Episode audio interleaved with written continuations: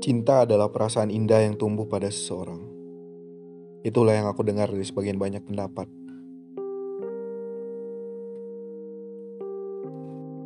Dan sekarang itu juga yang aku sedang rasakan.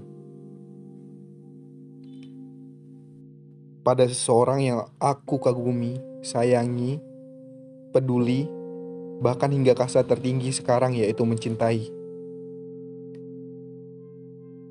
Tapi bagaimana jika rasa ini berubah menjadi rasa bersalah jika aku letakkan pada kamu yang tidak ingin dimiliki?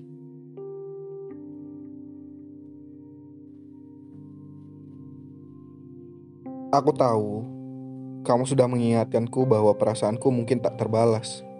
Rasa cintaku mungkin akan menggantung. Tapi itulah cinta. Perasaan yang indah yang kita rasakan walaupun itu tahu nantinya akan begitu menyakitkan. Aku gak pernah sekalipun merasa menyesal. Karena kutipan klasik di beberapa buku selalu tertulis bahwa kasta tertinggi cinta bukan memiliki, tapi mengikhlaskan dan merelakan dia mencari sumber bahagianya sendiri. Jadi, jangan pernah menyalahkan dirimu atas semua rasa yang aku tanggung saat ini. Semua rasa ini aku bawa dengan sadar. Dan kalau boleh mengulang, aku gak akan meminta rasa ini untuk ada.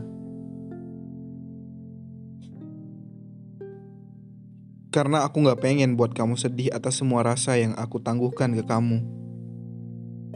Jadi, doakan aku ya.